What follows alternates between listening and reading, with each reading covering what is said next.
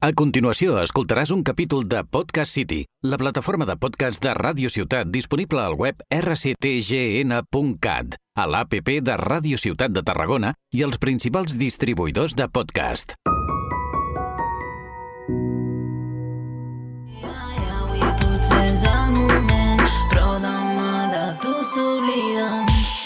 Créixer confiant en el demà,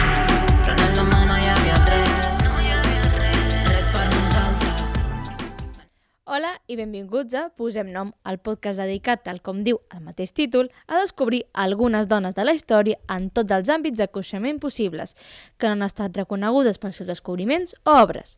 Algunes d'elles no han estat reconegudes perquè van signar els seus projectes amb el nom dels seus marits. D'altres, els projectes els van ser robats o es van fer famosos per homes sense donar-los crèdit o bé perquè el segle on vivien ni tan sols era possible a la ment de la societat que les dones ho poguessin fer.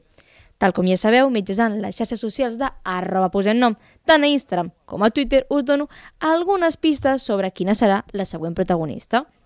Uh, espero que hagueu pogut endevinar la protagonista del dia d'avui i pels que no ho heu pogut llegir, us la repeteixo i així us poseu una miqueta en context. I és que la dona d'avui pertany a l'imperi xinès i està relacionada amb l'art i la poesia. Doncs bé, dit això, us presento la nostra protagonista d'avui, Wang Dosheng.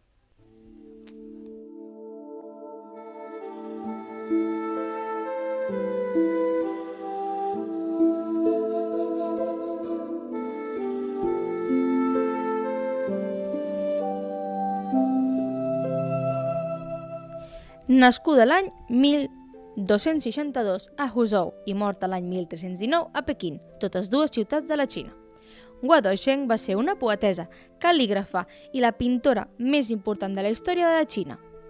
Guan va néixer en el si d'una família terratinent i va créixer a les terres ancestrals de la seva família, anomenades el Rust d'Estimet.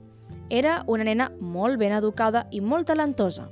Fins i tot el seu pare li tenia molt d'afecte, cosa molt estranya en aquella època, i fins i tot la veia com una criatura excepcional tan bon punt va néixer, d'aquí que el seu nom es tradueix com camí de la rectitud com el naixement del sol. L'any 1286, als 24 anys, Guan es va casar amb Zhao Mengofu, un conegut erudit i artista, sovint considerat com l'artista més gran del període Yuan.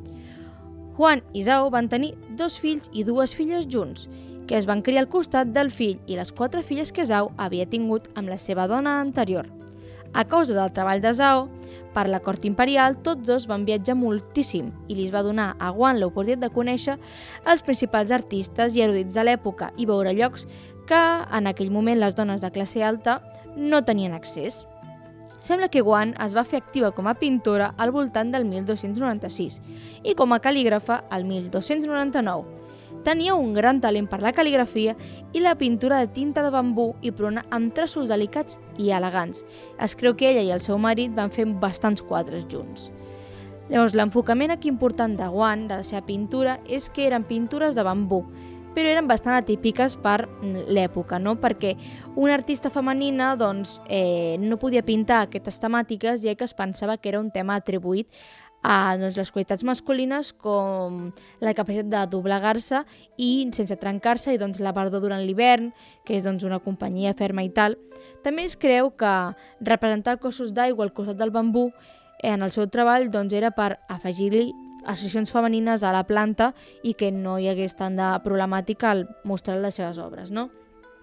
Un rotllo de bambú seu de l'any 1301 es va trobar en l'estudi del seu marit i, òbviament, doncs, mostrava els coneixements sobre el discurs sobre aquest bambú i, doncs, Wan va deixar escrit això que deia jugar amb pinzell i tinta és una cosa teòricament masculina, però jo he fet aquesta pintura. No diria algú que he transgredit, que menyspreable, que ens menyspreable, vull dir, mm, ella era molt conscient que les temàtiques que ella estava cal·ligrafiant i que estava pintant eren atribuïdes als homes, però que ella se veia totalment capaç de fer-les, no? Llavors, aquestes grans pintures de, de Guan doncs, van tenir molts elogis, cosa molt estranya en aquella època, ja que, com tots sabeu i per algú faig el programa, que doncs, parlo de dones que no han estat reconegudes, no? i doncs, tenim la sort de que Guan, en el, en el seu entorn i la seva època, doncs, sí, la gent la coneixia, li encarregava coses, era molt conscient de, de, del seu mm, meravellós don artístic, no? I hi havia doncs, crítics que van notar doncs, que les seves pinzellades eren molt fortes i associades a la masculinitat.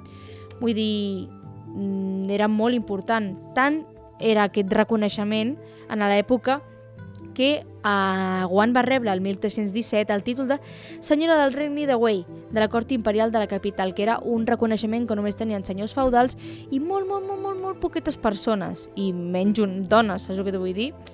De fet, era tan important i tan coneguda la seva obra que algunes van ser segellades amb el sell imperial i la germana de l'emperador, la gran princesa Senjai Raji, doncs es va quedar molts d'aquests quadres i se'ls va quedar per la col·lecció eh, i els arxius imperials. La seva obra és tan popular eh, en l'acord que moltes dones de l'aristocràcia d'aquell moment li van encarregar fer peces. Aquí és un puntet que podríem dir que és una mica d'especulació o no, qui cadascú, qui penso el que vulgui, però el fet de, de que normalment els seus treballs doncs, tenien destinació femenina, podria ser que Guan haguera estat promovent no, la influència d'aquestes dones en la cort imperial, cosa una miqueta estranya en aquell moment. La seva gran contribució al gènere de la pintura de bambú va ser la tendència a pintar-lo com una part del paisatge, en no que fossin unes branques sueltes enmig d'una imatge, no? Aquest estil doncs, seguia la tradició dels artistes guan que en aquell moment al Xina no hi eren, però que estaven a, en el Japó. Vull dir, podríem dir que Guan va destacar tant en aquest gènere de pintura que va fins i tot arribar a llegar un tractat de gran valor històric de la pintura xinesa, que és conegut com el bambú monocrom, que és doncs, la tècnica de dibuixar i pintar bambús, però o blanc o negre. Els paisatges de les obres de Guan inclouen aspectes propis també de la seva ciutat natal, amb paisatges envoltats de boirina, entre els quals apareixen aquests bambús amb perspectives baixes, eh, que permet apreciar la bellesa d'aquesta planta i doncs, és considerada doncs, un element superimportant. No? També en els seus, eh, les seves pintures, les seves cal·ligrafies, va escriure poemes i va utilitzar un estil de poesia que molt poques vegades s'havia vist fer per dones. Eren poemes mmm, fins i tot humorístics, però que a la vegada mostraven la preocupació que tenia tant pel seu marit com pels seus fills. Una anècdota que hi ha en els llibres d'història sobre ella és que quan el seu marit doncs, una vegada va plantejar la idea de eh, casar-se amb una altra dona, de tindre una, una concubina, doncs Guan va agafar, va escriure un poema assegurant-li que que cap problema, vull dir que podia fer-ho, però que ella continuaria sent l'esposa oficial i doncs mm, la va deixar un poema com a resposta a aquesta, a aquesta idea. Una miqueta com uh, Shakira i Piqué al Bizarrap, no? un comentari de resposta, doncs igual, era, li va deixar un poema com queixant-se però dient escolta, sí, sí, tu te pots casar amb tu qui tu vulguis, però jo sóc l'esposa primera, la més important, i ja està. Tant impacte va tindre aquest poema en el seu marit Zhao que no es va tornar a plantejar el tema mai més i després de que es morís eh, Wan, Zhao no es va tornar a casa mai més. Llavors, aquí doncs, és la part important i és que és que l'haver estat reconeguda doncs, mm, molt important en aquell moment és una persona o una artista que no s'ha tardat tant en recuperar-la i és que hi ha referències d'ella en una recopilació d'informació sobre dones pintores del segle XIX, extreta d'unes fonts anteriors de Tao Son-yu, que era l'esposa d'un estudiós i col·leccionista de llibres, i doncs és una de les poques dones que s'esmenten en les primeres enquestes occidentals de la pintura xinesa i l'obra de Guan Daosheng doncs, ha estat estudiada pels estudiosos xinesos moderns, vull dir, és una part important, és una persona mm, doncs, que se l'ha tingut en compte, que no ha estat tan desapareguda com pensàvem, però clar, com vaig repetir quan vaig parlar de Wu tant, doncs què passa? Que són persones, artistes, que són de d'Orient i que aquí a Europa no les tenim tan presents, llavors és molt important doncs, també tenir en compte doncs, aquesta cultura tan important i tan rica que hi ha fora d'Europa i que també hi ha coses molt, molt, molt, molt importants. El problema és que, tot i que hi havia molt reconeixement en aquella època i va ser molt important, doncs queden molt poquetes pintures i poemes d'ella, però el que es creu és que eh, n'hi ha un en el Museu Nacional del Palau de Taipei, que és doncs, un rotllo de mà que se suposa que està datat al 1308, que està titulat Bambú Clims, i bueno, se pensa que és d'autoria de Guan. Ja, per tancar una miqueta, hem dit que Guan va morir el 1319 amb 58 anys, una edat ni molt gran ni molt petita, en aquell moment força bé, la veritat, morir en aquesta edat no està tan malament, i és que es va morir tornant de la cort imperial després de tindre una llarga malaltia, la qual desconeixem. I és que tan coneguda era la seva malaltia que el seu marit va demanar a l'emperador si podien emportar-se a Guan cap a casa perquè pogués descansar. Per desgràcia, doncs, va morir pel camí, però bueno, vull dir, també tenim constància d'una carta que li van escriure a un familiar comentant-li doncs, la mort de Wang i lo dolorós que va ser aquest viatge de, des de la cort imperial fins a arribar a casa seva de, amb el taüt, no? I doncs, és molt important, ja que aquesta mort va, infectar, va afectar moltíssim a Zhao, que durant els tres anys després de la mort de, de Guan, doncs va continuar pintant bambús, que era doncs, els temes preferits de Guan, no? en la seva memòria. És molt maco, molt, en plan, és una cosa molt, molt graciosa, molt cuca, saps? I doncs, molt important de, de, de, de recordar no? aquesta persona que estimes doncs, dibuixant i pintant coses que et recorden a ella. Tan important va ser la seva mort que la làpida on està enterrada doncs està marcada tal com s'hagués enterrat una persona superimportant d'aquella època com si fos quasi un senyor feudal, vull dir, donant-li un grandíssim honor. Actualment, la casa i el jardí a Huzhou, que és on tenien eh, tant com Guan la casa, doncs està restaurada i el camp on Tao Zeng estava enganxant, doncs eh, allà on estan enterrats, doncs també està restaurat, hi ha com un petit santuari i un petit museu en honor d'ella i del seu marit. Així com una petita curiositat, podríem dir que al 2006 doncs la poesia de Wan va servir d'inspiració per una sèrie de pintures de l'artista contemporani Ao Yam que es va mostrar a la Biblioteca Central de Hong Kong.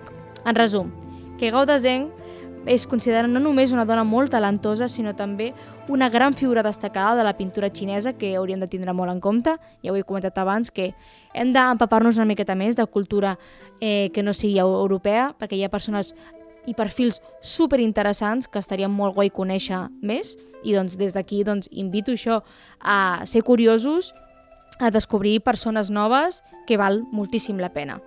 Per avui, això sí, tanquem ja el capítol de Wang de Zheng i procedim doncs, a donar les pistes de la protagonista del pròxim programa. I és que la pròxima dona pertany al regne de França i està relacionada amb la filosofia i l'escriptura. Ho deixarem aquí.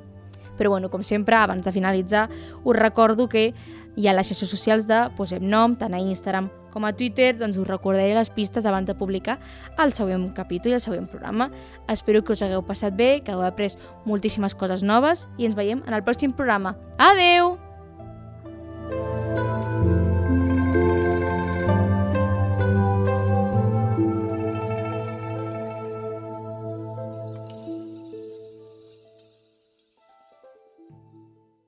Has escoltat un capítol de Podcast City, la plataforma de podcast de Ràdio Ciutat disponible al web rctgn.cat, a l'APP de Ràdio Ciutat de Tarragona i els principals distribuïdors de podcast.